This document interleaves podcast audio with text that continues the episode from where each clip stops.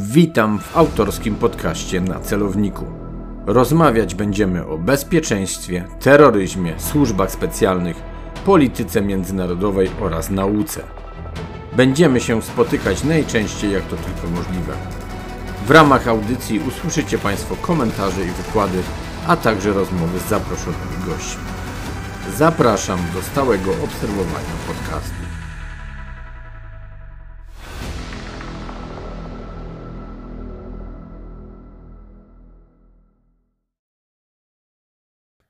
Przy mikrofonie Artur Dubiel, Wyższa Szkoła Bankowa. Naszym dzisiejszym gościem jest dr Kacper Rękawek. Witam serdecznie. Witam serdecznie, dzień dobry. Doktor Rękawek tak naprawdę ma dość bogate doświadczenie naukowe, ale i nie tylko. Aktualnie reprezentuje Uniwersytet w Oslo. Jego alma mater jest Uniwersytet Łódzki. Wyszedł spod ręki profesora Machnikowskiego, którego serdecznie e, pozdrawiamy. Oczywiście. I przypominam przy okazji, że w szóstym odcinku podcastu na celowniku e, profesor Machnikowski też był naszym gościem. Poza tym doktor Rękawek e, kiedyś pracował dla Polskiego Instytutu Spraw Międzynarodowych, pracował również w słowackim think tanku Globsek, który powinniście Państwo kojarzyć, a także w Uniwersytecie SWPS. Doktorat zrobiony w Queen's University w Belfaście. Zajmuje się Kacper głównie tematami, bym powiedział, wszystko co D i co kontr. Bo rozmawialiśmy kiedyś, tak? Kacper, jest dostępny nasz, nasza wspólna rozmowa w portalu Midlink, do której też wrzucę e, właśnie linka na temat e, deradykalizacji. Nie każdemu te tematy do końca pasują. Potrafisz też prowokować, muszę powiedzieć. Spróbuję dzisiaj też. Spróbujesz dzisiaj też, dobrze. Szanowni Państwo, przypominam, e, Kacper jest też autorem książki Człowiek z małą bombą. E, w drugim półroczu wyjdzie również jego książka w Rudledżu Zagraniczni bojownicy na Ukrainie. No i tym samym już tak naprawdę sugeruje główny temat naszej dzisiejszej rozmowy. Temat, który trochę wydaje się, że w dyskursie publicznym jest chyba trochę dyplomatycznie pomijany.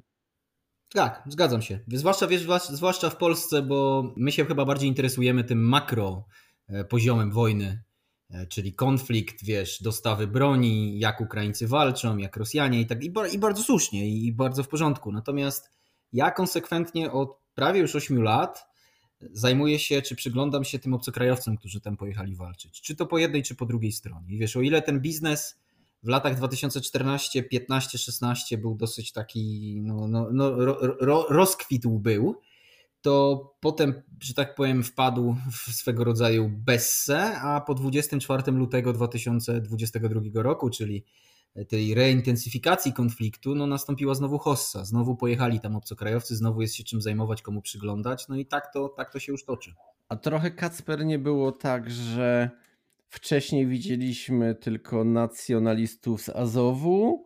E, dzisiaj oczywiście jesteśmy ostrożni, bo oczywiście Ukrainie pomagamy i w pewien sposób dobrze, że być może pomijamy pewne tematy i nie chcemy do końca, to nie jest czas i moment na wyjaśnianie pewnych kwestii, ale z drugiej strony, jakby nie patrzeć, no jednak słyszymy, a przynajmniej jakiś czas temu słyszeliśmy, o tych osobach, które spoza Ukrainy przyjeżdżają walczyć. I żeby była jasność, walczyć nie tylko po jednej stronie. Tak, jak najbardziej, wiesz, no po, po, po dwóch stronach. Wiesz co, ja może zacznę od tego, co powiedziałeś o tych, o tych nacjonalistach i tak dalej. Bardzo słusznie, bo wiesz, w 2014 roku ludzie, którzy pojechali tam walczyć po jednej i po drugiej stronie, na samym początku konfliktu, to bardzo często były osoby z takich, bym powiedział, środowisk radykalnych. Nie tylko skrajnej prawicy, ale też skrajnej lewicy, żeby było śmieszniej. Czyli I... mocno ideologicznie y, to tak. je, że tak powiem, motywowało do tego, że się w Ukrainie pojawiły. Tak. Kacper, i tak naprawdę, żeby jeszcze zacząć właściwie rozmowę, jedna rzecz nam chyba uciekła.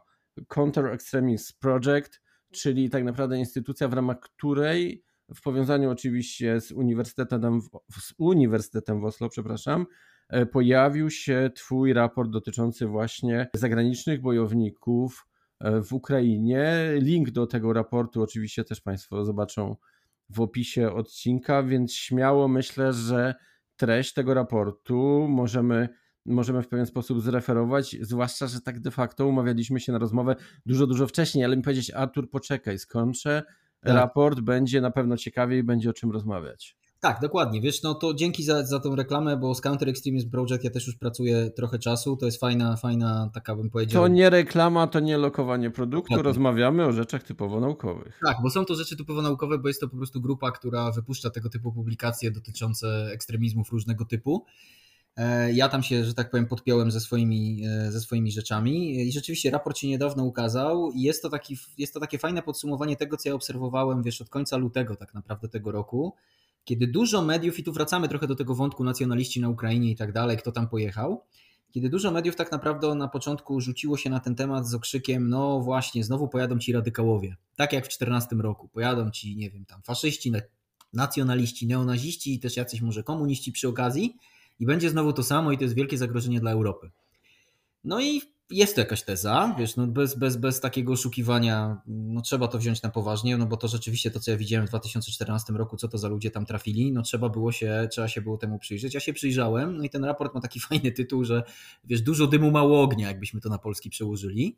Bo faktycznie środowiska ekstremistyczne w Europie Zachodniej, nie tylko zachodniej, to środkowo-wschodniej, strasznie się, przepraszam, powiem kolokwialnie, podjarały tę wojną, tą wojną. No właśnie, czy dużo dymu, mało ognia, dlatego że te liczby tych osób tak naprawdę nie mają do końca przełożenia nie tyle na efekt e, działań, powiedzmy, na poziomie taktycznym, tylko to, co Rosjanie przede wszystkim próbowali nam podsunąć. Jak oni by wygrali, to oni przejmą władzę i się zaczną ekstremizmy, takie już bym powiedział, no, ekstremizmy z zasady są hardkorowe, ale takie naprawdę w mocnym wydaniu. Tak, tak. No to, to wiesz, to, to myślę, to była część narracji rosyjskiej, która teraz tak bardzo ciekawa, jak człowiek pogląda trochę i posłucha tego, czy e, co, co Rosjanie mówią i piszą, to ta, ta narracja zaczyna być chowana.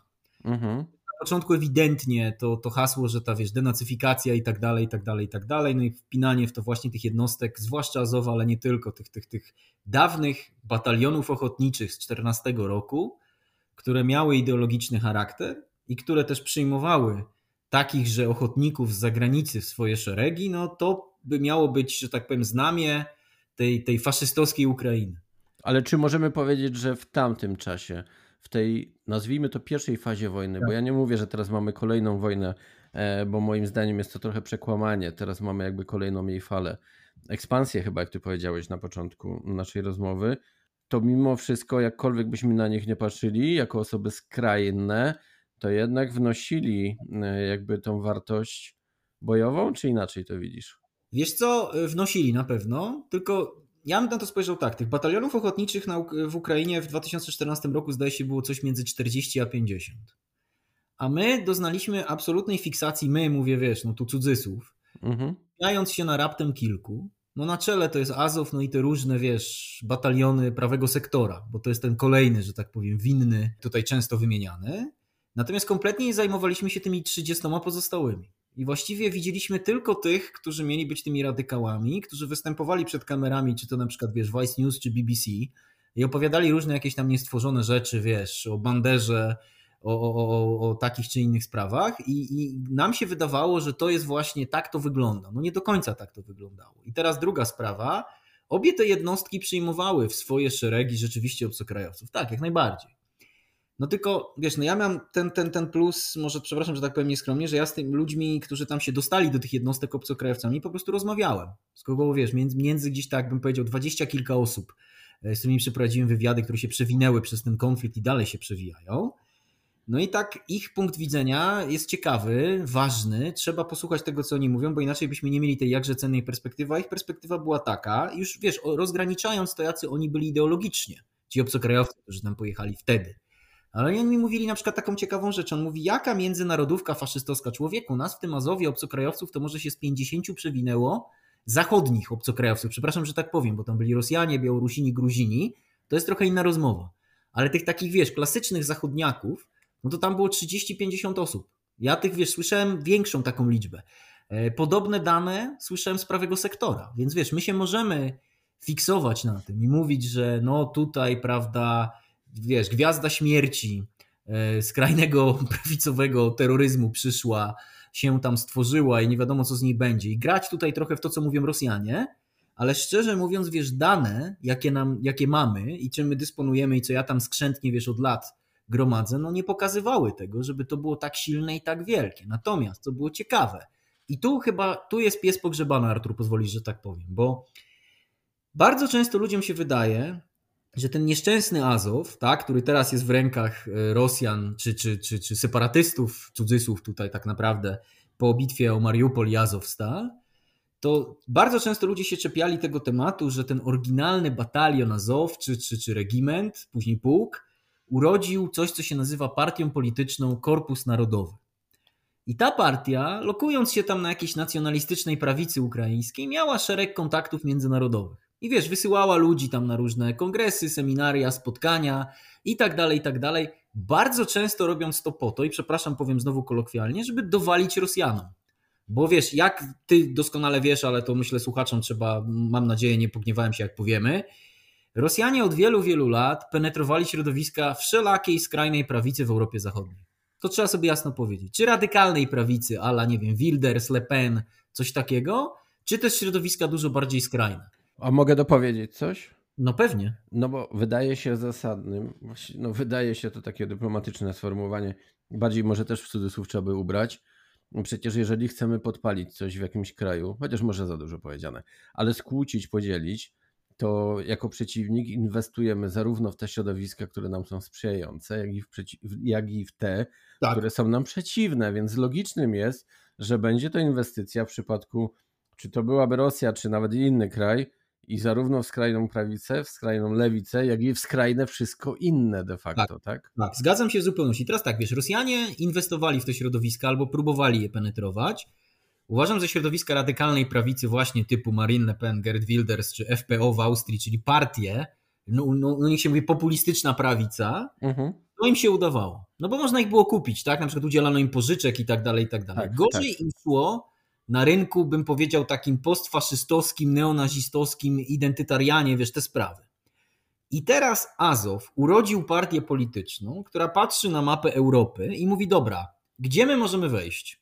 Kto jest dla nas partnerem? Kto jest naszym, wiesz, że tak powiem, na tej samej Współideologiem. Tak, tak, na tej samej ideologicznej czy szerokości, wiesz, szerokości geograficznej, mentalnej, tak to nazwijmy. Mm -hmm, mm -hmm. No i wchodzimy w te środowiska. I ta partia zaczęła jeździć po Europie, do Niemiec, Francji, Portugalii, no gdzie oni nie byli, wiesz.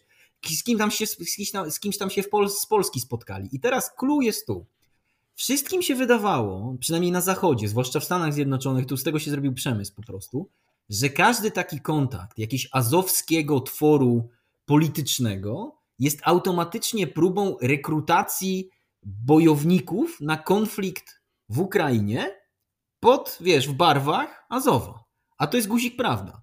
Bo miażdżąca większość tych kontaktów, po, powiedzmy, jak ta partia powstaje w 16 roku, miażdżąca większość tych kontaktów ma charakter stricte polityczny. On ma charakter lobbyingowy i ma charakter, wiesz, też takiego zaklepywania sobie jakichś środowisk gdzieś tam, skrajnych, na prawicy, w takim a takim kraju, zanim zrobią to Rosjanie.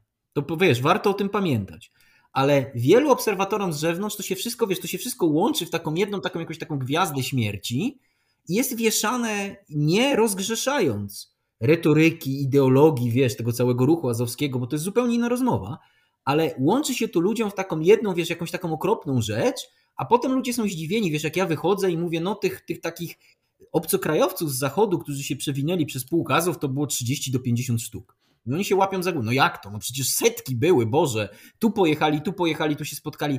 No właśnie nie. Tu warto, wiesz, warto o tym pamiętać. I ja tak naprawdę w w pewnym momencie się zorientowałem, że wiesz, duża część mojej działalności to będzie wytłumaczanie takich rzeczy.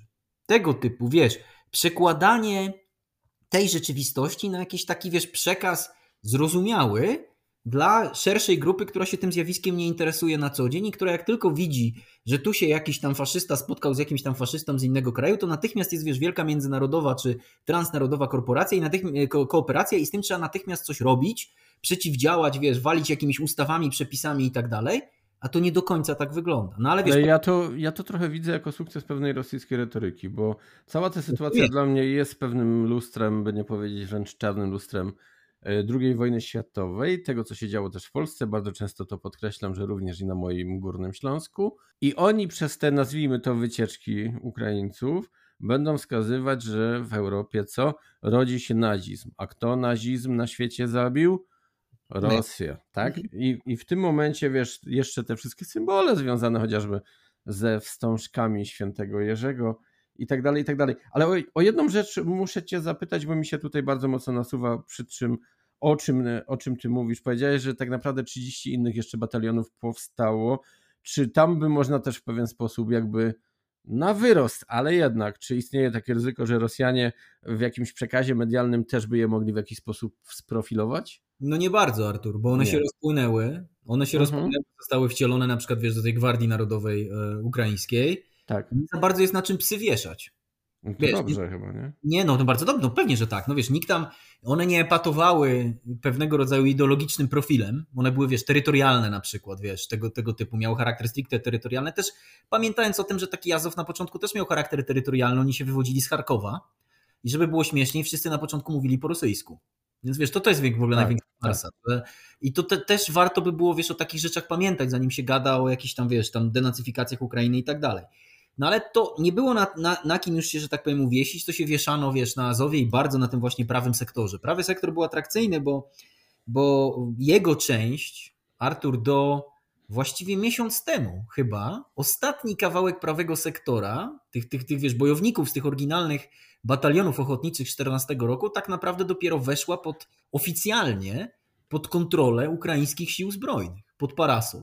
Oni wcześniej funkcjonowali jako swego rodzaju takie, no, no ja nie wiem, no, no, no, no cholera wie co, przepraszam, że tak powiem, jakaś milicja. Trochę partyzantka taka całkowicie niezależna, nie? Tak, na, na linii frontu oni byli tolerowani, że oni tam są, tam do siebie wszyscy puszczali oko, im to bardzo pasowało, że oni nie są w tych strukturach, bo mogli udawać, że są tymi, wiesz, ostatnimi niezłomnymi mohikanami, co się nie zgadzają, wiesz, na kontrolę skorumpowanego oliga, wiesz, y, zdominowanego przez oligarchów kraju, bla, bla, bla. Oni takie rzeczy mówią i mówili cały czas i mówić dalej będą. No ale w tych realiach tego konfliktu, dwa miesiące po jego rozpoczęciu, prawy sektor, ci ostatni Mohikanie też weszli, wiesz, pod parasol, e, pod parasol państwowy. Stali się jednostką de facto no, armii ukraińskiej, co oczywiście Rosjanom też w to graj, bo oni wtedy mówią, o proszę, nawet takie jednostki stają się teraz, wiesz, oficjalnymi jednostkami armii ukraińskiej. Proszę bardzo, armia ukraińska ma charakter no taki no, no faszystowski. Więc wiesz, to jest swego rodzaju kwadratura koła, prób, próbując spróbować, gdybyśmy próbowali to rozbić. Ukrainie, Rosjanie będą to mówić tak czy siak, będą wieszać się tych, wiesz, tych, będą się wieszać na tych pojedynczych jednostkach ostatnich, tych Mohikanach i tak dalej, no a my się z tym będziemy zmagać. Natomiast ja po prostu, wiesz, widzę swoją tak naprawdę pracę tak, że chcę dokumentować to, ilu tych zagranicznych e, wojowników, tak to nazwijmy, czy ochotników tak naprawdę. Tak, tak. No wiesz, ludzie, którzy przyjeżdżają do oficjalnych struktur, ty nie przyjeżdżasz tam do jakiejś partyzantki, do jakiejś milicji, do jakichś, wiesz, wataszków jakichś takich czy owych, ty jesteś, podpadasz normalnie w tych siłach obrony terytorialnej Ukrainy pod jakiś tam łańcuch, wiesz, dowodzenia i tak dalej, to nie, jest, to, to, to nie ma co mówić, więc ilu tych ludzi tam tak naprawdę pojechało? No i siłą rzeczy, na początku, wiesz, ten mój raport jest o tym, że jest no 40 czy tam 20 czy ile 10 tysięcy ludzi pisało te maile do ukraińskich ambasad, że chcą pojechać, chcą pomóc i tak dalej. No a potem się okazuje, że tak naprawdę stosunkowo niewielu dotarło tak naprawdę na linię frontu, a w, tej, w tych stosunkowo, pośród tych niewielu, bardzo niewielu, jeszcze, jeszcze, jeszcze mniej, to są tak naprawdę ludzie o takich skrajnych Najczęściej jest czy to skrajnie prawicowych, ale czy to skrajnie lewicowych poglądach. No i tutaj stąd ten tytuł, wiesz, dużo dymu, mało ognia tak naprawdę. Okej, okay, a o jeszcze jedną nację bym Cię musiał zapytać, właściwie o jeszcze jedną. Za chwilę mm, zapytam o, o wszystkie te, te nacje, czy, czy masz też jakieś wnioski z tego, ale jest jedna taka dość specyficzna, o której też słyszałem, że walczyli po obu stronach. Rzekomo oczywiście też pojawiał się tam ich samozwańczy poniekąd, ale na, też i narzucony przez Rosję lider bym powiedział, taki Chuck Norris wschodu, tak? Czyli domyślasz się już o kogo chodzi. Oczywiście, tak, tak, tak. To jak, jak z tymi Czeczenami tak naprawdę jest? Gdzieś to w Twoich badaniach też wyszło? Wiesz co, ja się głównie przyglądam mm, zachodnioeuropejczykom, Amerykanom, mm -hmm. wiesz, ale no, no wiadomo, no, jak, jak, jak człowiek to, że tak powiem, zasysa, no to nie ma siły, żeby tego nie widzieć. No, to, co widzimy po stronie rosyjskiej, no to to jest, ta, to jest, to jest, że tak powiem, konsekwencja tego, że Czeczenia jest no, takim dosyć specyficznym podmiotem Federacji Rosyjskiej, które ma, jakby, jakby to powiedzieć, jej siły, no nazwijmy to siłami zbrojnymi, upraszczam, bo to nie do końca tak trochę jest, no ale powiedzmy te siły zbrojno-paramilitarne, od zawsze mają taką reputację, że to są, wiesz, fantastyczni bojownicy, no tylko... Wyszło szydło z worka. Tak, ale no właśnie, wiesz, to są fantastyczni bojownicy w I wojnie czeczeńskiej w połowie lat 90. Od tego czasu mija prawie 30 lat A jak widzisz tych fantastycznych wojowników na tych wszystkich filmach i tak dalej, no to to są ludzie, którzy bardzo często się jeszcze wtedy nie urodzili. Albo to znaczy, wiesz co, ja to ich określałem ostatnio, że oni są idealni, jak w ogóle był taki trochę strach e, gdzieś też e, w opinii publicznej budowany, że najadą ludzie z Syrii, najadą Czeczeni tak. i że będzie dramat. No oni są w cudzysłowie oczywiście fantastyczni, ale na mój gust w terroryzowaniu ludności cywilnej. Dokładnie. Jeśli by doszło do kontaktu ze średnio wyszkolonym zachodnim żołnierzem, no to przepraszam, oczywiście też pewnie byśmy straty ponieśli. Niemniej, no umówmy się, no popisówki kadyrowa jakiekolwiek, czy parasportowe, bo inaczej nie można tego nazwać, czy w ogóle związane z walką, no są zwykłymi ustawkami. Kto to kupuje? No to jest bardziej chyba na wewnętrzny rynek rosyjski i czeczeński, a na pewno nie na zachodni, gdzie się de facto ośmiesza. Artur, no ja się, ja się z tym zgadzam. Na pewno y, to, że oni brali udział no też w masakrach, które były popełniane już na terenie Ukrainy przez armię rosyjską, no bo oni w jej skład tak naprawdę wchodzą, e, to też pokazuje. Oni są, tak jak powiedziałeś, fantastyczni do walki z cywilami. Gorzej Terroryzowania, to... nie do walki, do no, terroryzowania. Wiesz, no walki, co oczywiście... A właściwie terroru, tak? Bo też żebyśmy tak, nie mylili tak, pojęć. Tak, tak, no to że, że generalnie, generalnie do tego typu działań się świetnie nadają. Natomiast tutaj wygląda to zupełnie inaczej. Tylko pamiętaj o jednej rzeczy. Czeczeni jak się pojawili tak prominentnie i zwłaszcza pojawili się w okolicach Kijowa, chociaż oni też walczyli w Mariupolu i są też gdzieś, wiesz, w Donbasie, ale ich pojawienie się w okolicach Kijowa i takie wypychanie do przodu nawet, wiesz, w tym no Rosja nic nie zrobiła, żeby ten przekaz, wiesz, przytłumić. To była woda na młyn dla zachodnich środowisk ekstrem, ekstremistycznych, prawicowych, żeby powiedzieć, proszę bardzo, Putin wspiera muzułmanów, Putin wysłał muzułmanów do walki z Europejczykami.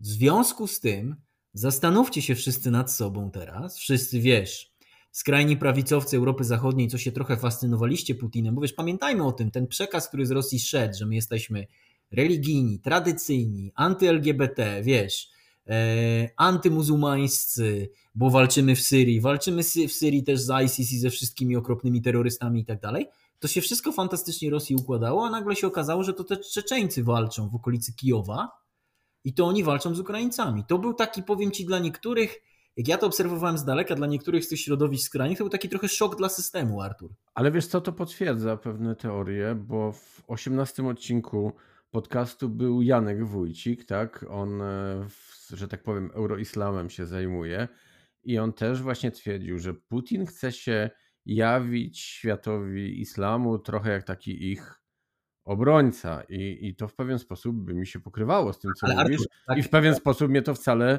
e, Ale, wręcz nie szokuje. Tylko jeżeli on się jawi jako obrońca dla świata islamu, to nie będzie się jawił jako obrońca dla świata skrajnej prawicy w Europie.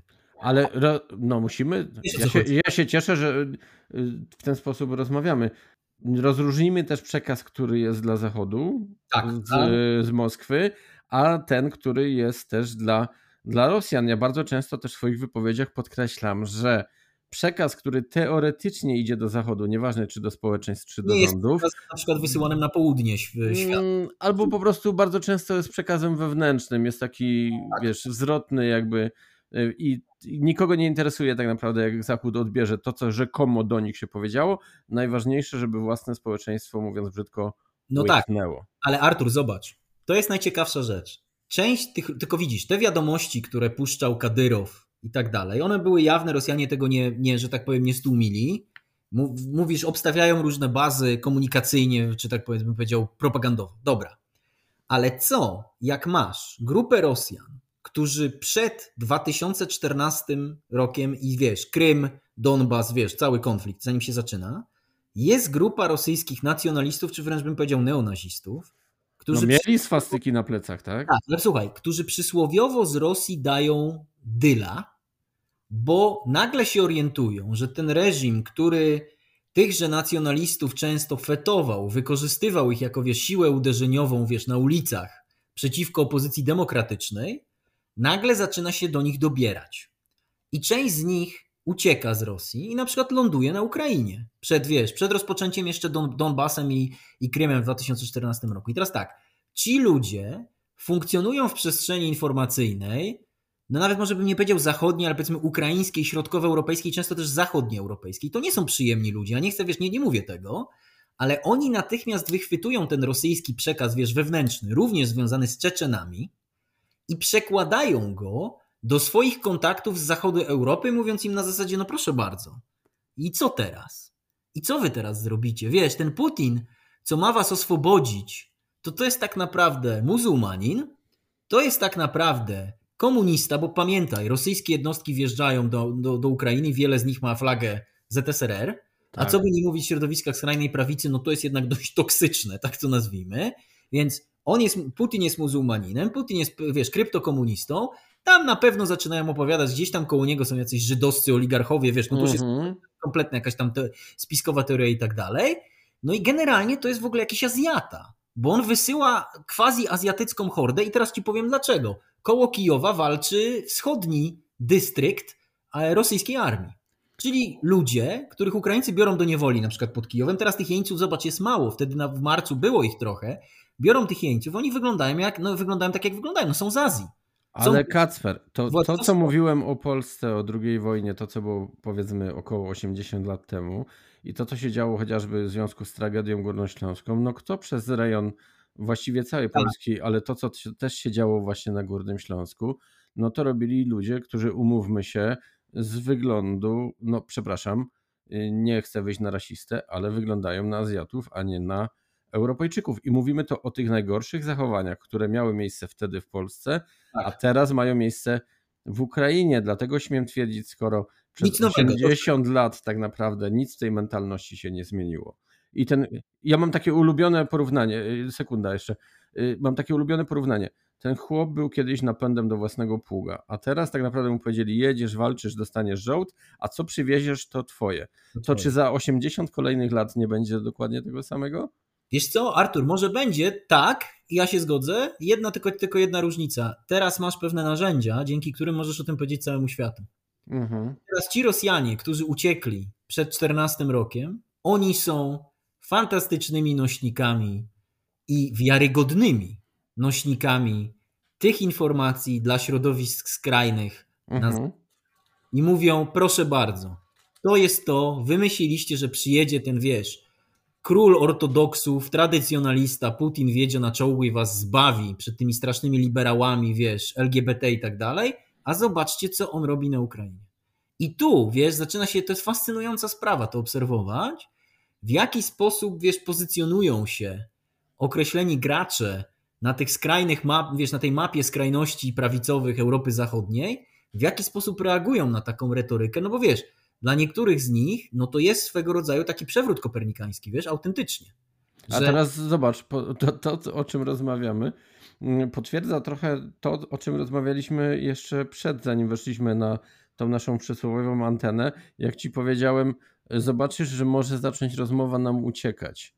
Mhm. Bo to w pewien sposób uciekamy tak. poza trochę treść raportu, o którym mieliśmy e, Nie. rozmawiać, a jednak są to bardzo, bardzo interesujące kwestie, pokazujące, jak pewne procesy również na zachodzie Europy mają miejsce i dlaczego tak. takie, a nie inne zachowania są pewnych środowisk. Tak, ale Artur, wiesz co, to masz rację, trochę ucieka, ale trochę też o tym jest. Ja o, tych, o tej retoryce, wiesz, i tego skąd to się wzięło, tam piszę e, i tych, wiesz, tych tak, tak naprawdę takich, jakby ci to powiedzieć, jak ten wirtualny świat tych takich skrajnie prawicowych influencerów, jak tak mogę powiedzieć, mhm. wręcz biznesmenów.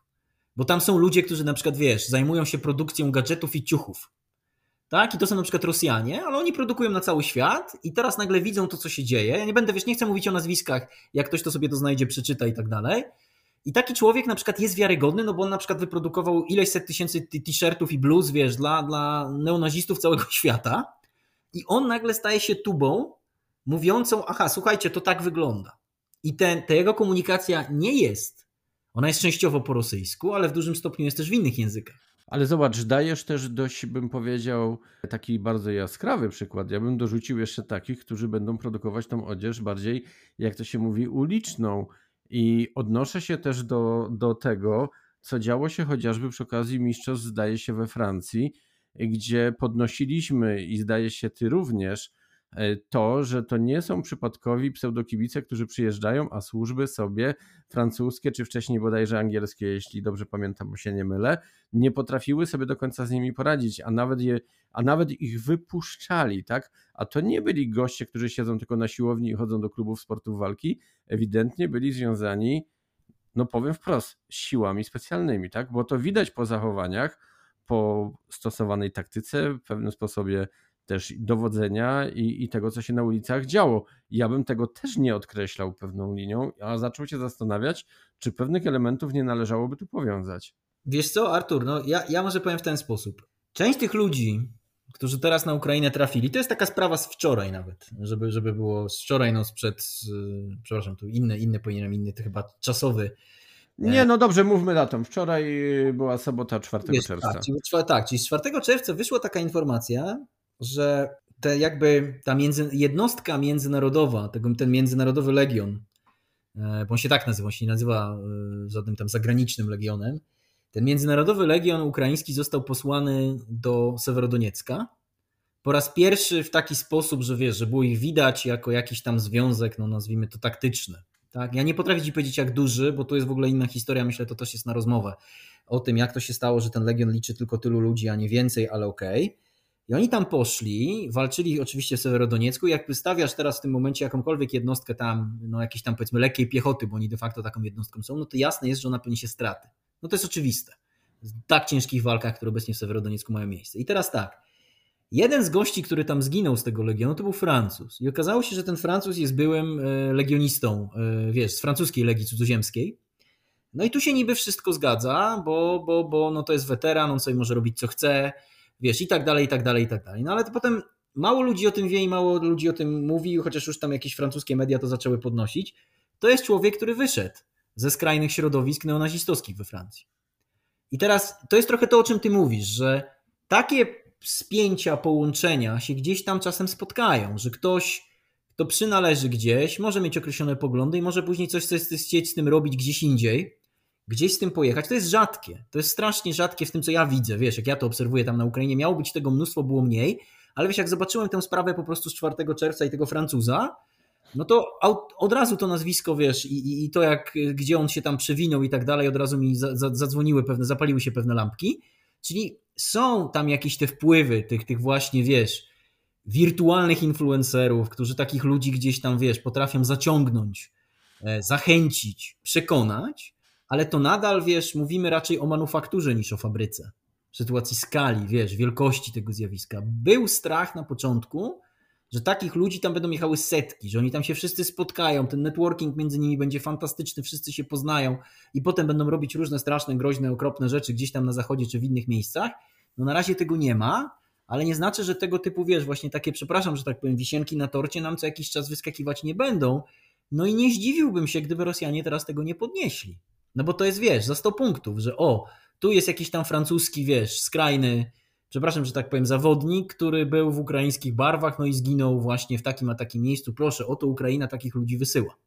Ale wiesz, dla mnie ten świat jakby wirtualny, bo głównie mamy tutaj na myśli oczywiście media społecznościowe, jest tylko i wyłącznie pewnym nośnikiem kanałem, bo przecież to wszystko, co się dzieje i jest związane z przekazem jako takim, to nie zostało wymyślone wczoraj, ani kiedy powstał internet. O tym możemy poczytać, pewnie też masz na półkach e, byłych radzieckich tak naprawdę funkcjonariuszy, którzy poszli trochę w popkulturę, książki piszą.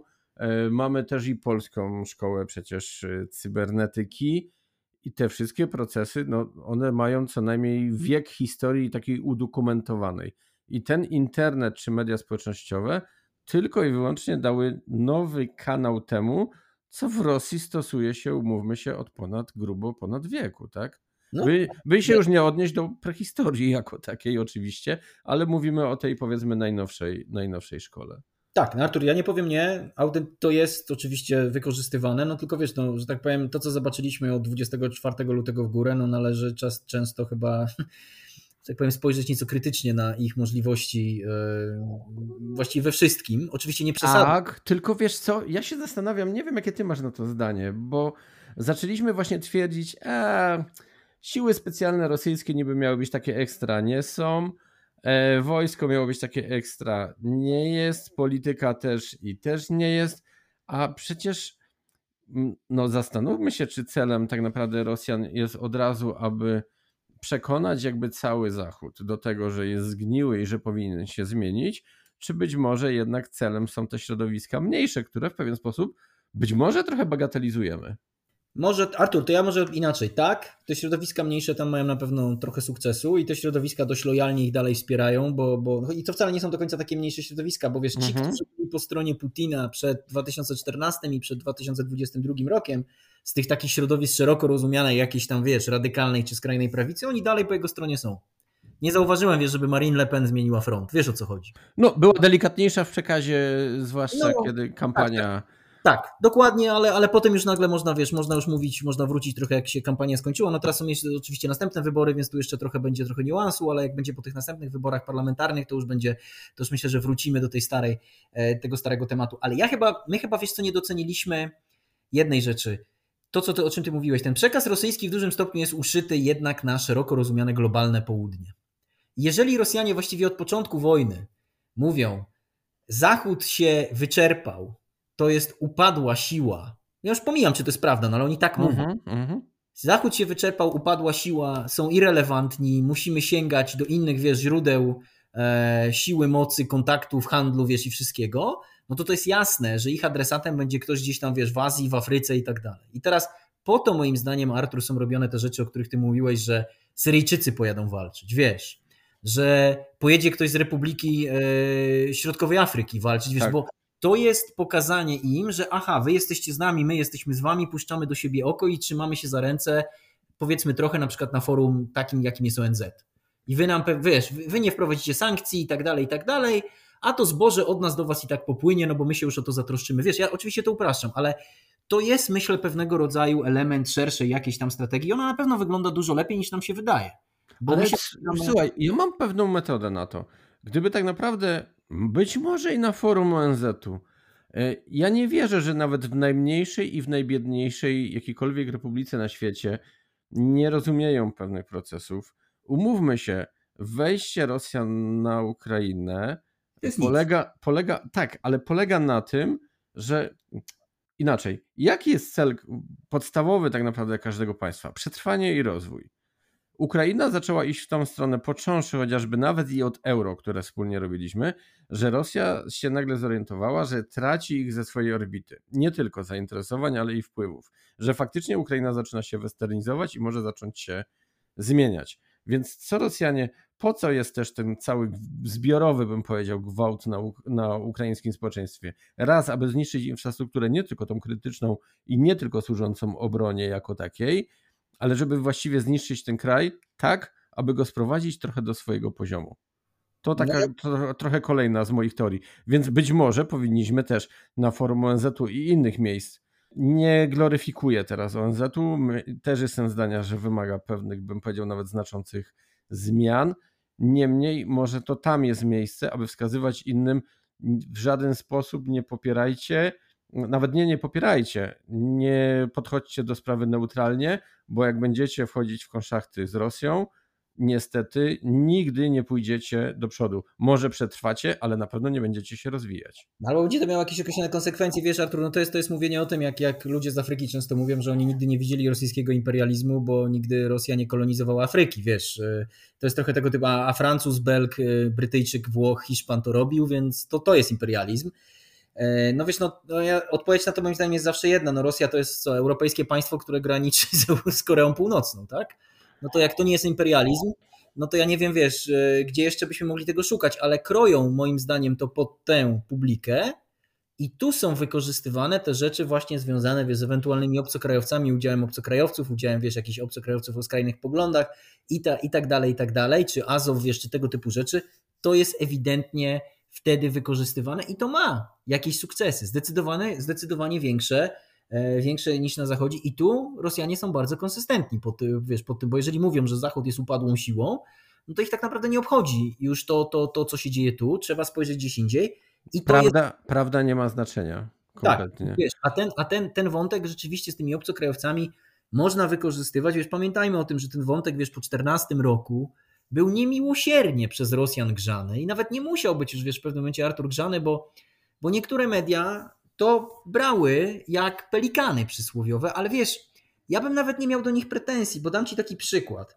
W 14 roku do Azowa przyjechał dziennikarz z Vice News, czyli taki, no dosyć bym powiedział, popularnej, no popularnego medium, tak to nazwijmy, takiego trochę, no, no nietradycyjne są to media, no ale okej. Okay. I ten dziennikarz do nich przyjeżdża i tam z nimi spędza tam ileś dni czy coś takiego, wiesz, na froncie, normalnie. No i ten dziennikarz, Artur, nazywa się Simon Ostrowski. Przez y na końcu. I teraz, jak ja bym był jakimś tam oficerem, który ma go przyjąć w jakimkolwiek batalionie ochotniczym ukraińskim, to ja bym sprawdził, kto to jest. Zwłaszcza, że nazywa się tak, że być może to jest Szymon Ostrowski, i kurczę, być może on jest z Ukrainy, Polski, wiesz, coś tego typu. Z mhm. Białorusi, wiesz, no jego rodzina, on jest kolejnym pokoleniem imigrantów i tak dalej. No ewidentnie to nie zostało zrobione. I ten facet ląduje w Azowie w 14 roku, wiesz, powtarzam. No i chłopcy dają mu pełen, że tak powiem, treatment. Jacy to są fajni. Wiesz, łącznie z hajlowaniem, mhm mówieniem do siebie zig-zig zamiast cześć-cześć, czyli wiesz, od zig-heil. Tak, tak. E, z pastykami, tatuażami tak, no jadą po prostu kompletny, wiesz, kompletnie po, po tym temacie. A facet jest e, chyba z Brooklynu, e, jest amerykańskim, wiesz, amerykańskim Żydem generalnie. No i teraz jak on ma się czuć? No powiedzmy sobie szczerze, tak? Co on potem napisze? Co on potem pokaże w reportażu z takiego miejsca? A nawet jak to zrobi w sposób, bym powiedział, no no nie, nie powiem, że neutralny, ale wiesz, jakiś taki ograniczony, że nie będzie patował tutaj y, tym, no to my już sobie doczytamy i my sobie dopowiemy, co się dzieje i co to jest za jednostka, tak? I co to jest za temat. I to w dużym stopniu tego typu rzeczy, i absolutnie ten, ten reportaż Simona był w ogóle świetny, to, to, wiesz, to żeby było jasne, tego typu rzeczy powodowały, że w określony sposób Rosja od 14 roku mogła wszystkich tych gości, którzy pojechali walczyć po stronie Ukrainy, wyzywać tak naprawdę od radykałów. No i niestety w niektórych sytuacjach i przypadkach miała rację. Tylko zobacz, jest 8 lat później, ja rozmawiam z ludźmi, którzy rekrutują do tego legionu tych obcokrajowców po, po stronie ukraińskiej. Oni mi mówią tak, to są, a to ładnie to on to powiedział po angielsku, concerned citizens of the world, czyli tacy, wiesz, mhm. no tacy, co się przejmują z całego świata, że to są socjaliści, chadecy, liberałowie, no jakiś tam faszysta też się trafi, ale to są ludzie po prostu ze wszystkich ze wszystkich środowisk, ze wszystkich jakichś, wiesz, backgroundów całego, całego po prostu świata, nie można im przypiąć takiej jednej łatki. Czyli o tyle jest Rosjanom teraz trudniej. Oni dalej, wiesz, próbują grać ten kotlet, odgrzewać ten kotlet z tego 14 roku, ale zobacz, o ile jest trudniej teraz, bo o tych ochotników wystąpiła, wystąpiło państwo ukraińskie, o to o nich poprosiło ustami Zeleńskiego, wiesz, nie jakieś tam bataliony ochotnicze, nie wiadomo kto, nie wiadomo gdzie, jest ten, wiesz, jest ten stempel państwowy, tej, tej aprobaty, tej zgody i tak dalej, od razu jest inna rozmowa. A to, że tam się trafi jakiś radykał, tak jak ten Francuz, o którym rozmawialiśmy, tak, oczywiście. Natomiast gro z nich to są po prostu ludzie, którzy, wiesz, często zobaczyli przemoc, zwłaszcza wobec kobiet, kobiet i dzieci na Ukrainie i po prostu chcą pomóc, wiesz. Po prostu nawet nie chcą nie tyle, że dowalić Rosjanom, tylko po prostu chcą pomóc. I teraz to się zmieniło, wiesz, to jest ta niesamowita zmiana, natomiast Rosjanie będą dalej próbowali, wiesz, szukali, tak? I te haczyki będą tę wędkę tam zarzucać i dalej będą próbowali tego, żebyśmy my się złapali na ten, wiesz, radykalny przekaz, który miał trochę sensu w 2014 roku. Wiesz, ja też nie będę, nie będę mówił, że nie, ale teraz to wygląda naprawdę zupełnie inaczej. Ale Kacprze, doktorze, y, bo jedna rzecz taka mi się przypomniała, może tak trochę związana z tematem, trochę nie. E, będąc na Bliskim Wschodzie, w państwie graniczącym z Izraelem, gdzie w sumie są rozlokowane od lat siły międzynarodowe. Bardzo mnie zaskoczyło, kiedy u młodych ludzi na plecakach czymś w rodzaju naszych tych kostek, które kiedyś tak. były modne, zobaczyłem swastyki. Powiem szczerze, lekko mną wstrząsnęło. W pierwszej chwili nie zajarzyłem, o co może chodzić. E, ja mówię, a, a czemu takie coś macie, nie? Prosta rzecz, która też o czymś świadczy. No bo to jest od gościa, który tak naprawdę prawie zniszczył Żydów, tak? I teraz zobacz, jak pewne ideologie tak naprawdę przez całe dekady mimo wszystko się utrzymują i mi się wydaje, że to jest to, co w pewien sposób może pomóc Rosjanom w krzewieniu pewnych obrazów, a tak jak powiedziałem, niekoniecznie od razu do całych społeczeństw, a do mniejszych jakichś ruchów społecznych. Tak? Artur, wiesz co, fajne i, i, słusznie, bo sami Azowcy mi o tym mówią, wiesz, jak ja z nimi rozmawiam i zarówno obcokrajowcy, jak i Ukraińcy, to oni mówią, wiesz, no, no tak, no te swastyki, wiesz, te wszystkie te, to my to trochę robimy, bo wiemy, że to Rosjan wkurza. Mhm. Wiesz, tak jakby ci to powiedział ten ktoś z tego kraju, w którym ty byłeś, że, że to jest antyizraelskie, tak? On, on tam nie do końca rozumie o co chodzi, tak, ale tak. antyizraelskie. A tu jest takie, że wiesz, że Rosjanie... Ale ogólny obraz jakby się może przez to tworzyć, tak? Jeżeli tak, tak, tak ktoś tak, by przyjechał, nieważne kto, jest dziennikarzem, E, I pokazuje, no zobaczcie, no na ulicy co któryś tam małolat, czy nawet dorosły, e, takie znaki nosi i to bardzo bym powiedział, bardzo mocno tak, tylko Artur, oficjalnie. To prowadzi do takiej sytuacji, że wielu moich zachodnich kolegów stało się ekspertami w odcyfrowywaniu naszywek, które mają na sobie ukraińscy żołnierze.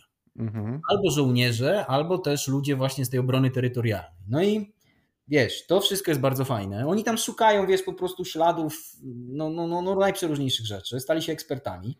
Ale na przykład, wiesz, jak widzimy często to ci żołnierze, ja się temu też przyglądam, co oni tam mają na tych swoich naszywkach, jak tam na, na przykład na naszywkach jeden ma tego Pokemona, a drugi ma e, Słuchaj, e, drugi Ale ma... wiesz, to też będzie wynikało z jakiejś popkultury, pewnej mody. I to wszystko się pojawia na tych mundurach. Oni też chcą pokazywać, że są takimi y, na kształt zachodniego żołnierza. Przecież ten sprzęt, który wysyłamy, tak? Hełmy, kamizelki, tak. inne rzeczy. on jest, umówmy się, zachodni. Zresztą Rosjanie też to zaczyna, zaczęli e, podrabiać, bo też kiedyś, jak oglądałeś jakiekolwiek operacje ich antyterrorystyczne, czy raczej kontrterrorystyczne, no to oni przyjeżdżali nieraz, no przepraszam, jak zbieranina gdzieś spod miasta, każdy inaczej ubrany, sprzęt był, tak. umówmy się, prawie jak z łapanki, a teraz już jednak zwracają w pewien sposób, przynajmniej w tych bardziej profesjonalnych jednostkach, na to, jak to wygląda, nie? Ale Artur, to się zgadza, tylko wiesz, masz rację, jedna tylko uwaga do tego, że tak jak ktoś może mieć przyklejone coś tam, to tak będzie miał przyklejonego gnoma i mhm. Pikachu. Tak a moi koledzy będą tylko interpretowali to coś tam, tę swastykę, natomiast już, już nie zwrócą uwagi na to, że ktoś właśnie się, wiesz, sympatyzuje, symbolizuje, synchronizuje z Zachodem poprzez, poprzez wiesz, przypięcie jakiegoś symbolu popkulturowego, który byłby do odczytania dla wiesz, kogoś z Ameryki, Wielkiej Brytanii, Francji, Niemiec czy Polski. Tego no, ilu, ilu będzie chociażby pani Shera nosić, a z czego tak. się pani Sher tak naprawdę wziął? Ja jeszcze o jedno, jedną rzecz chciałbym podkreślić. Pamiętajmy też, że najróżniejsze symbole, mówię o pojedynczych, nie o czymś większym, o jakimś godle, herbie czy czymś takim, niekoniecznie państwa. Symbole tak naprawdę są wieloznaczeniowe i no to... wywodzą się tak naprawdę sprzed sprzed wieków. Kacper, fantastycznie się, fantastycznie się rozmawia, ale chciałbym, żebyś zrobił małą taką formę trochę e, podsumowania, czy raczej wniosków z Twojego raportu, żebyś mógł się podzielić ze słuchaczami tym, do czego udało się dojść, a myślę, że zainteresowani do samego raportu wtedy też sięgną, jak udało Ci się takie wnioski wyciągnąć. Jasne, dziękuję Ci bardzo. No więc generalnie wygląda to tak.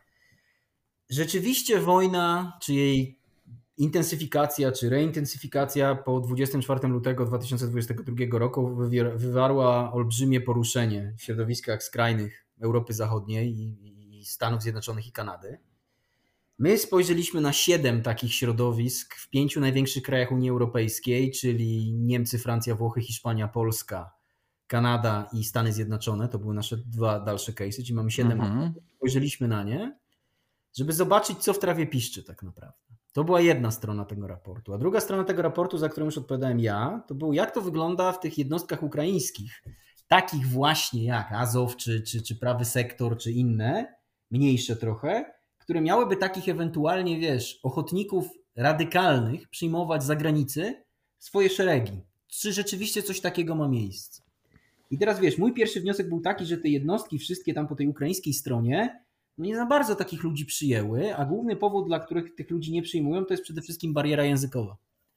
Bo wiesz, fajnie można powiedzieć, że przyjadę i będę walczył i tak dalej, natomiast dla takiej jednostki małej, niespecjalnie o wysokim stopniu wyszkolenia, czy sprzętowym też, wiesz, stan, stan posiadania sprzętowego też nie jest jakiś może powalający, posiadanie obcokrajowców nie mówiących chociażby po rosyjsku czy po ukraińsku, to już by było w ogóle świetnie, no jest problemem. Musisz takiego kogoś nosić na plecach, musisz mu tłumaczyć, musisz dla niego organizować tak naprawdę swego rodzaju określony proces niańczenia. Tak A czas ma znaczenie, zwłaszcza tak, w czas walce. ma znaczenie w takiej sytuacji, no i generalnie, no oni tego nie chcą, oni o tym otwarcie mówią. Wiesz, ten jednostka obrony terytorialnej Azowa, ona to otwarcie właściwie mówi, że, że, że no, no co z tego, że my jesteśmy tą niby jednostką, co by mogła wziąć obcokrajowców, ale my was nie weźmiemy, bo po prostu sami nie mamy tylu mówiących po angielsku, którzy, którzy by was niańczyli, więc generalnie no nie. Więc to jest, wiesz, to jest taka, wiesz, taka ciekawostka, że jak się ludziom wydaje, że tam po prostu czekają jakieś legiony, wiesz, nie wiadomo jakie, które będą przyjmowały takich gości, tak absolutnie nie jest. Czyli to, to jest to.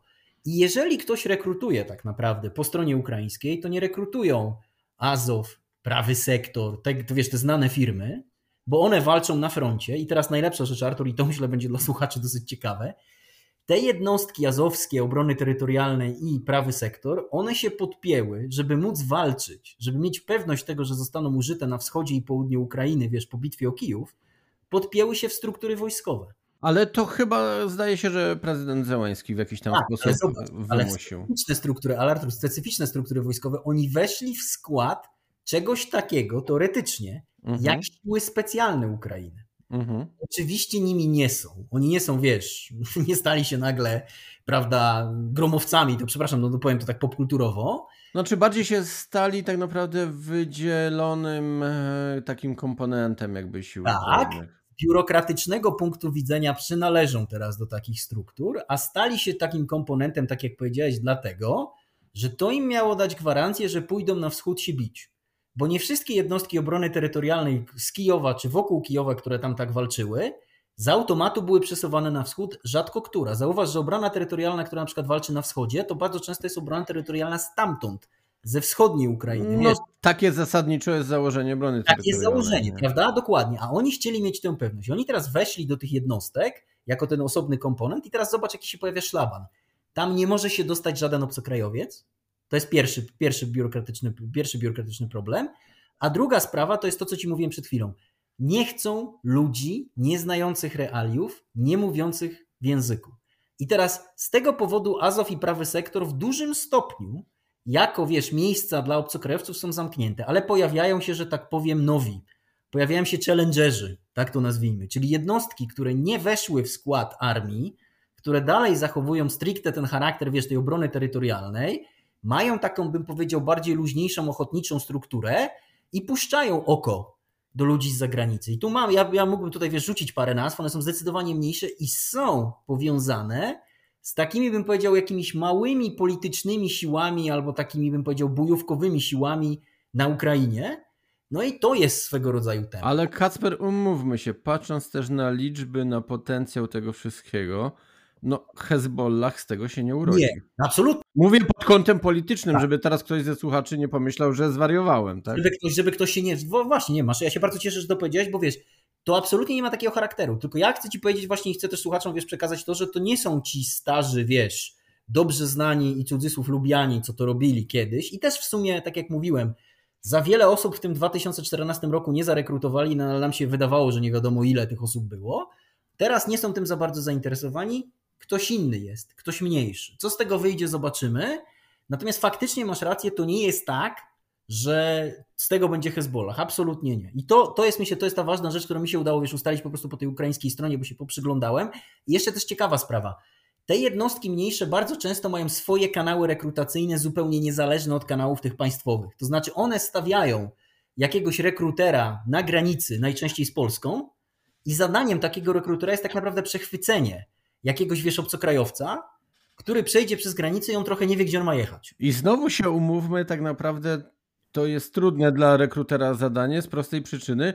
Wszyscy obcokrajowcy, którzy tak naprawdę do Ukrainy wjeżdżają, są wcześniej przepuszczani przez te sito związane z naborem chociażby, który się odbywa przez ambasady, czyli de facto przez aparat państwowy. Artur, tak, ale też nie, bo Mhm. jakiejś grupie udało się przejść pod tym, pod tym parasolem. Bo co z tego, że możesz przechodzić... To procent czegoś, jakiekolwiek 100% w bezpieczeństwie nigdy nie istnieje, Nigdy nie, więc... nie, nie, no, oczywiście, no. Artur, oczywiście nie, ale masz, zaczynają się pojawiać takie grupy ludzi, się już pojawiają od jakiegoś czasu, które nie szły przez ambasady, pojawiają się na granicę, przechodzą granicę, wiadomo, no jakoś są rejestrowani, więc to od razu Ukraińcy mają ich, że tak powiem, jakiś papier, ślad pozostaje i tak dalej, okej, w porządku, ich Straż Graniczna, ale potem oni teoretycznie powinni iść do Lwowa, gdzie jest centrum rekrutacyjne, wiesz, sił obrony terytorialnej. Teoretycznie, tak? Jest nakaz, tak to, tak, tak to wygląda i tam zostaniesz gdzieś tam przydzielony, wysłany i tak dalej. Tymczasem oni są przechwytywani wcześniej przez tych mniejszych, że tak powiem, graczy i lądują potem u nich. I teraz najlepszy, Artur.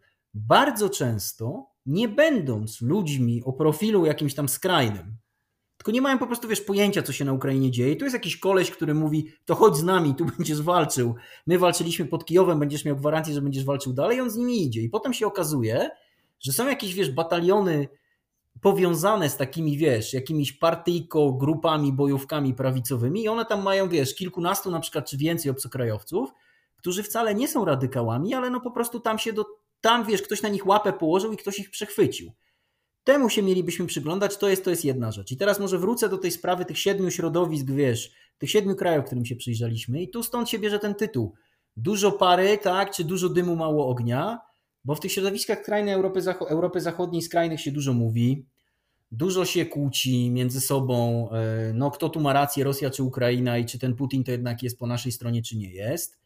Dużo ludzi z tych środowisk podejmuje jakieś takie działania, Artur bym powiedział o takim profilu humanitarnym. Oni na przykład, wiesz, zbierają żywność, leki, jakieś może, wiesz, taktyczne e, oprzyrządowanie i oni na przykład je wysyłają swoim ideologicznym przyjaciołom na Ukrainie. Wiesz, jadą z transportem, jedzie jakiś van, to coś tam, to ktoś coś wysyła, ktoś pojedzie z jakąś cudzysłów misją, wiesz, obserwacyjną, tego typu sprawy, to się zdarza. Natomiast stosunkowo niewielu z nich rzeczywiście pojechało walczyć, tych radykałów. I w ogóle myślę taki jeden centralny wniosek, te tysiące ludzi, którzy mieli tam na tę Ukrainę pojechać, wiesz, obcokrajowców wszelakich, już nie mówię tylko o radykałach, którzy mieli tam pojechać i walczyć, to nie są żadne tysiące. Jeden mi powiedział z tych rekruterów taką fajną rzecz. Z tysiąc to może przekroczy granicę, co będą chcieli walczyć. Wiesz, przekroczyło oczywiście więcej takich, wiesz, co chcą pomagać i tak dalej ale z takich, co są zdeterminowani, może tysiąc przekroczy granicę, a ilu tak naprawdę będzie pociągało za spust, to to jest zupełnie inna rozmowa. Ja w pierwszej chwili, jak on mi to powiedział, to pomyślałem sobie, kurde, no to, nie, to, to jest nieprawda, nie ma sensu, to wiesz, to, to, to się nie zgadza. A jak popatrzysz, Artur, potem, a to jest moim zdaniem dosyć miarodajny, że tak powiem, czytnik, tak to nazwijmy, ilu ich tam może być, jak spojrzysz, ilu jest rannych, ilu poniosło śmierć. Wczoraj ten legion międzynarodowy ogłosił, ten, ta jednostka, która niby miałaby ich zbierać, że w Sewerodoniecku zginęło czterech. Wcześniej ginęli Białorusini, Gruzini, wiesz, tego typu formacje to są właściwie, oni mają swoje jednostki, tak naprawdę funkcjonujące poza tą orbitą tych międzynarodowej, tych, tych, tych zlepków, tak to nazwijmy. Zobacz, że tak naprawdę przy tak niskich stratach i tak, a oni by tym, wiesz, naprawdę by to ogłaszali, jakby tacy ludzie byli ranni, zabici. Tam wcześniej były pojedyncze sprawy, jakiś Amerykanin, jakiś Brytyjczyk, coś takiego. Naprawdę tych ludzi tam nie jest aż tak dużo. Te 20 tysięcy maili, które miały pójść do ukraińskich ambasad, mówiących o tym, że ja chcę, będę walczył, jestem weteranem, wiesz, tego typu rzeczy, nie zamieniło się w 20 tysięcy, wiesz, ochotników. To, to, to, to nigdy by tak nie było, ale ja nawet nie wiem, czy się zamieniło w 2000 ochotników. No to ja mam takie pytanie. Ty masz trochę łatkę prowokatora, ja mam trochę łatkę tego, który wiecznie szuka dziury w całym. Czy w takim razie mógłbym wyciągnąć taki wniosek, że być może Rosjanom pewna rzecz się udała, czyli zmarnowali nasze osobo godziny na to, żebyśmy analizowali temat, który de facto w żaden sposób nie jest jakby ważny. Nie, Artur, ja się nie zgodzę, wiesz, bo... Mm, nie, no ja tak też trochę na wyrost, też trochę prowokuję, tak? Ale powiem Ci, nie, bardzo słusznie, ale Artur, powiem Ci tak, ja od początku tego kryzysu, przepraszam, źle to powiedziałem, reintensyfikacja wojny i, mhm. i zaczyna się wszystko na nowo, Słuchaj, ja byłem. ja to sobie muszę liczyć tutaj na uniwersytecie, bo my to musimy liczyć. Coś koło 80 wywiadów dla różnych mediów międzynarodowych. I właściwie, i nie mówię tego dlatego, żeby się tam chwalić, bo to, to nie o to chodzi, tylko... Czasem trzeba. Czasem trzeba, ale, ale wiesz, chodzi trochę o coś innego, bo gro z tych wywiadów było na temat tego, gro, miażdżąca większość, jak to ekstremiści pojechali walczyć na Ukrainę. I Ale teraz, ktoś ten przekaz przecież no musiał dobrze, nam sprzedać. Nawet nie? jeżeli sprzedają to Rosjanie, to Artur, jeżeli ja przy pomocy takiej publikacji i swojego każdego wywiadu udzielanego o każdej porze dnia i nocy, bo jak rozmawiasz, wiesz, z BBC w Singapurze mm -hmm. w środku nocy, ale ja to brałem jako swój obowiązek tak naprawdę, żeby coś prostować, to ja uważam to za sukces. To nie są zmarnowane robocze godziny, żeby powiedzieć, że tak nie jest, bo znalazłem coś, czego nie ma, a miało być. Dla znaczy, Inaczej, tak, tu się całkowicie z Tobą jest, zgodzę. Przy czym, czym, czym innym na pewno będzie to, że jednak pewne środowiska, w tym ty, musiały się tym zająć, a czym innym będzie też ten pozytywny tego efekt, żeby ten przekaz y, w jakiś sposób Prostować. obalać wręcz, tak. No dokładnie. I Artur, to jest to, więc bo ja mogę teraz, wiesz, niektórzy mi zarzucają, że o, to teraz ty wybierasz Azov i takie rzeczy. Nie, nic z tych mm -hmm, rzeczy. Mm -hmm. Ja to po prostu mówię, że coś, co próbują nam wmówić Rosjanie, albo ich świadomi bądź nieświadomi przyjaciele z różnych miejsc, czy to na zachodzie, czy to spośród nas, już gdziekolwiek, nie ma miejsca. Jeżeli ja mogę z tym przekazem dotrzeć poprzez te dziesiątki tych wystąpień, poprzez takie publikacje, to ja do tego idę. I to, jeżeli mogę z Tobą o tym rozmawiać i Tobie to, wiesz, opowiedzieć o tym na polskim rynku, który pod tym względem jest trochę specyficzny, to ja też w to idę, bo jest to dla mnie, bo jest to ważne, bo to pomaga tak naprawdę. To jest, i tylko pamiętajmy też o jeszcze jednej rzeczy. Ukraińcom 100 razy bardziej potrzebne niż Legion jedny, drugi, piąty, wiesz, z, z zagranicznych ochotników e, złożony, 100 razy ważniejszy jest dla nich tak naprawdę po prostu sprzęt. I tak. oni to mówią od początku. I to jest kolejny kamyczek do grudka, żeby to pokazać, że oni mają ludzi, oni potrzebują czegoś innego. Podoba im się ten, wiesz, aspekt jakiejś tam solidarności międzynarodowej związany z obecnością tego typu ochotników czy tego typu jednostek. Natomiast to tak ty zadałeś pytanie, wiesz, czy oni taktycznie są w stanie przeważyć szale? No, no nie do końca, bo ich jest za mało. I to też warto, wiesz, o tym mówić. To nie jest tak, że tam jakieś, wiesz, NATO przyjechało walczyć po stronie Ukrainy, jak Rosjanie też mówią, tak? Tylko zdjęli naszywki, wiesz, wojskowe i przypieli sobie jakiegoś tam Pokemona czy, czy jakąś swastykę. Tego to, to nie ma miejsca. I to też jest dla mnie ważne, żeby, wiesz, koledze z Niemiec, Francji czy z Włoch, który trochę o tym nie ma pojęcia i powiem Ci szczerze, nawet jest tak nie do końca super pozytywnie często nastawiony do tego, jak to Ukraina sobie radzi i tak dalej, żeby mógł tak naprawdę powiedzieć i próbować go, przepraszam, że tak powiem, oświecić, no że jednak no tak nie jest i w tym konflikcie powinieneś być nie jakiś, jakimś obserwatorem z zewnątrz, ale tak naprawdę sojusznikiem Ukrainy. Ja po to, wiesz, to robię, po to toczę te bitwy na Twitterze czasem, może, może wiesz, może jest ich za dużo, no i po, po, to chodzę, wiesz, do tych wszystkich programów i piszę takie rzeczy. Wiesz, ja naprawdę, y, będąc też no, na szeroko rozumianym zachodzie, ja, moim targetem musi być tenże zachód. Ja to będę dalej robił, tak, żeby przekonać, że coś, co miało mieć miejsce, tak, to nie ma miejsca. To jest strasznie ważna rzecz, że jest teza jakaś, która mówi, ok, powiedzmy, jest, odpowiedź jest A, a potem się okazuje, że odpowiedź jest B. No sorry, no w nauce, czy w ogóle w jakimś tam procesie badawczym, czy poznawczym, szalenie ważna, ważna sprawa. Ja z tego jestem super, wiesz, super szczęśliwy, że ja i siedmiu moich kolegów, którzy ten raport napisaliśmy, mogliśmy zademonstrować, jak to tak naprawdę te środowiska skrajne się mobilizują dla tej Ukrainy, że one owszem wyślą jakąś pomoc, ale nie wyślą człowieka, który będzie tam strzelał. A to już jest naprawdę, wiesz, zupełnie inna waga, zupełnie inna skala, zupełnie inna rzecz później do obserwowania, przyglądania się, czy nawet się martwienia. A ja bardzo często, wiesz, mam takie wrażenie, no ja będę ten przykład, wiesz, podawał na początku BBC ze mną, rozmawiałem z BBC, jedyna rzecz, która ich interesowała, to było to, że żołnierze Azowa maczali w świńskim tłuszczu kule dla Czeczenów Kadyrowa. I teraz wyobraź sobie, tak, bo to jest puszczane o 7 rano w radiu BBC w Wielkiej Brytanii, gdzie Prime time. publiki takich tematów z racji tego, że tam są no miliony muzułmanów, potomków muzułmanów i tak dalej, oni słyszą coś takiego. Poza tym wiesz, no jest zupełnie inny klimat polityczny, przesunięty dużo bardziej do środka, środko-lewo niż chociażby w Polsce. No oni, przepraszam cię Artur, przysłowiowo spadają z krzeseł, jak słyszą coś takiego i myślą sobie, że o Boże kochany, ten straszny Azow, co to są za jakiś straszni ludzie. To, wiesz, ja daję to jako przykład. I teraz jak operujesz w takim środowisku informacyjnym, musisz naprawdę, ja się nazywam rękawek i musiałem zakasać rękawy, żeby próbować się przebijać z tym przekazem i powiedzieć, no to nie do końca jest tak, to nie do końca tak wygląda. I wiesz, ja tę zmianę zobaczyłem i nawet się cieszyłem z tego, że gdzieś tam w okolicach kwietnia, któregoś momentu kwietnia, przed świętami wielkanocnymi jeszcze albo w jej okolicy, te pytania zaczęły zamierać. Wiesz, tak jakby to zaczęło spadać na jakiś dalszy plan, ludzie zobaczyli, że tego nie ma i tym bardziej ja się z tego cieszę, bo widzę, że no, no Ale dobra. wiesz, pewne tematy kiedyś mogą wrócić. E, wojna, konflikt wejdzie w jeszcze inną fazę i może się okazać, że będzie to wracało. Dlatego ta twoja praca jest no, ważna. No, ja się staram, dlatego specjalnie, wiesz, ja to też o tym nie tylko mówię i występuję w jakichś tych, tylko po prostu publikuję na ten temat, bo chcę po prostu, wiesz, pokazać, że, bo powiem ci tak, po 14 roku w wielu umysłach, zwłaszcza w Stanach Zjednoczonych i zwłaszcza po ataku z Christchurch w 2019 roku, gdzie ten zamachowiec, wiesz, miał symbole jak to ludzie mówili, azowskie na swoim karabinie. Tak. I też inne. I też inne, to od razu wiesz, tam, tam miał jakieś tam, wiesz, serbskie, jakieś nie wiadomo, no, no, no kompletny kosmos. Utworzyło się takie myślenie, że na Ukrainie jest jakieś piękne miejsce, gdzie ci wszyscy skrajni prawicowcy się ze sobą spotykają i myślą, jak to nam wszystkim, przepraszam, przysłowiowo dowalić. I teraz tak, ja nie będę fanem myślenia skrajnie prawicowego w takim innym czy śmakim kraju. Wiesz, pamiętaj Artur, ja pracuję w czymś, co się nazywa Centrum Badań nad Ekstremizmem, więc z definicji no, no nie mogę za bardzo być pozytywnie do tego, tego typu tematów nastawiony, ale musimy spojrzeć na rzeczywistość taką, jaka jest, na to, że jest to stosunkowo małe zjawisko, nie jest takie duże, przestańcie się tym zajmować, zajmujcie się czymś innym i po prostu wspomagajcie Ukrainę. No taki był, wiesz, taki jest tak naprawdę mój cel makro.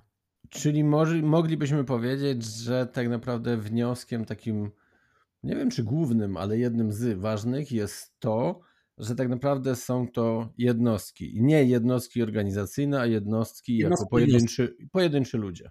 Tak. Pojedynczy ludzie, którzy coś próbują, no i za bardzo im nie wychodzi. Nie, ja też y, nie przez przypadek powiedziałem, że pewne tematy będą wracać, no bo umówmy się, u nas jednak kwestia UPA, Bandera, Piłsudski i tak dalej jest kwestią bardzo wrażliwą i niektórzy inspirowani czy nie, oczywiście dalej, dalej to podnoszą, mimo że wiele lat minęło domagając się pewnej historycznej sprawiedliwości, tak to nazwijmy. Tak. I abstrahując całkowicie od tego, czy ktoś ma prawo do, do tego, aby jednak, nie wiem, domagać się wyjaśnienia, bądź tego, czego myślę niektórzy się domagają, czyli żeby to druga strona się pochyliła i powiedziała: Tak, zawiniliśmy. E, to po pierwsze, no nie jest to moment na pewno na to, a dwa, wydaje się, że Ukraińcy przez udzieloną pomoc przez nas, różnoraką, bardzo różnoraką, w jakiś tam sposób już pokazują, że to nie będzie dla nich temat taki, który, którym będą prowadzić swoją politykę i jednak chcą dojść do pewnego porozumienia Niektórzy twierdzą, że porozumienie wymaga wyjaśnienia tych kwestii, inni mówią, że to była historia i, i żyjmy teraźniejszością, teraz i przyszłością. No Artur, to już jest, wiesz, to już jest myślę temat szerszy tak naprawdę. Ja, ja bym chciał, żeby po prostu, żeby problemów między nami było jak najmniej, tak? Bo ja, wiesz co, uczyłem, tak jak pewnie ty, ukraińskich studentów, mam ukraińskich kolegów, znajomych, przyjaciół, wiesz, tak jak myślę wielu słuchaczy byłem, jestem, będę zaangażowany w te wszystkie różne, wiesz, pomocowe sprawy. Wiesz, uchodźcy są w moim mieszkaniu, mieszkają. Ja wyciągałem kogoś tam z Kijowa na początku, tak jak pewnie wielu, wielu z nas, wielu z was. E, I ja po prostu dla mnie, ja bym chciał, żeby tych problemów po prostu między nami było jak najmniej. Mam świadomość, że jakieś są. Czy my możemy, czy możemy być zakładnikiem tych problemów? No, no myślę, że Rosjanie nam wytłumaczyli, że nie możemy być e, zakładnikiem tych problemów w sposób bardzo jasny. I chyba wiesz to tak, tak trzeba sobie Artur szczerze powiedzieć, bo, bo też nawet nie zwracając na to uwagi, czy problemy między nami są, były, będą. My chyba jak widzimy Ukraińców teraz, to trochę nie masz wrażenia, że my widzimy siebie?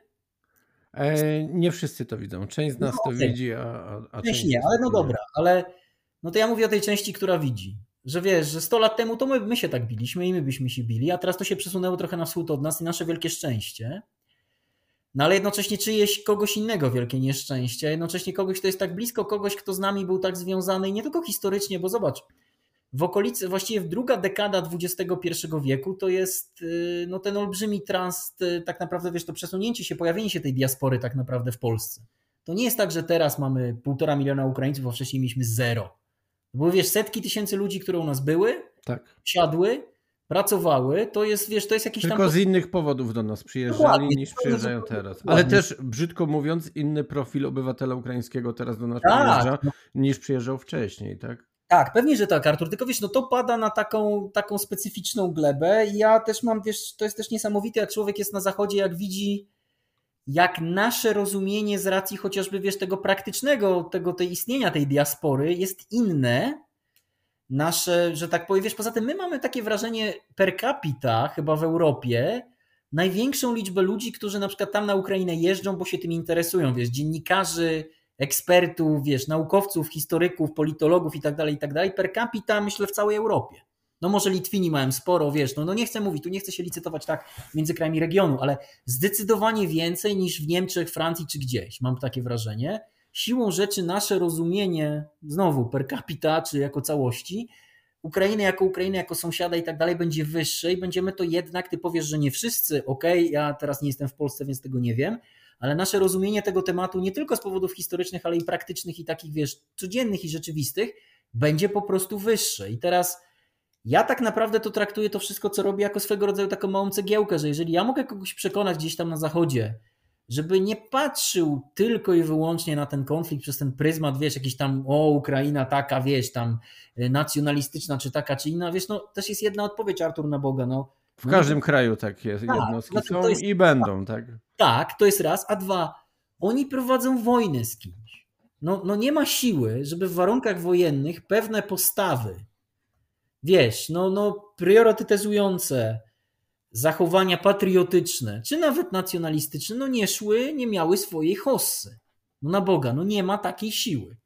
I teraz ja myślę, że wiesz, no nie, to jest to, co ja próbuję też robić, żebyśmy nie mierzyli ich swoją miarą, bo też pamiętamy, Artur, o jednej rzeczy i to, to moi koledzy z Zachodu bardzo często o tym zapominają, że no bo oni tam się czepiają, że Ukraińcy tacy śmacy, wiesz, że tu gdzieś była parada LGBT, to ktoś się chciał bić, wiesz, to, to, to, to jest tego typu dyskurs, a ja zawsze mówię, Kochani, po 1989 roku kraje, które skończyły w Unii Europejskiej, czyli tak jak na przykład Polska, czy wiesz, wszystko w okolicy, które teraz jest w Unii i w NATO, to były kraje, które 30 ponad lat były socjalizowane w swego rodzaju, wiesz, w obręb kultury zachodnioeuropejskiej. Tak, i też, i też nazwijmy pewne rzeczy po imieniu, też pewnego rodzaju poprawności politycznej, nie krytykując jej teraz, ale tak to jest. Ukraińcy przez to nie przeszli, bo nie mieli takiej perspektywy Nikt się nimi tak nie interesował, nikt się na nich tak nie skupiał. I teraz wy oczekujecie ode mnie, że ja powiem, że to jest źle, że żołnierz Azowa, wiesz, w tłuszczu e, świńskim umoczył kulę dla kadyrowców. No może spójrzmy na, wiesz, na to, jak się zachowuje Kadyrow. Kim on jest, co on robi w Czeczeniu i tak dalej, ale wiesz, o tym się już nie mówi, tak? I to, to jest to, z czym ja chciałem tak naprawdę walczyć. Nie powiem, że wygrałem, bo to wiesz, to jest tak jak mówisz, tematy wracają, jeżeli dołożyłem jakąś cegiełkę, tym lepiej, bo naprawdę, no, jak Boga kocham, to, to toczyłem boje.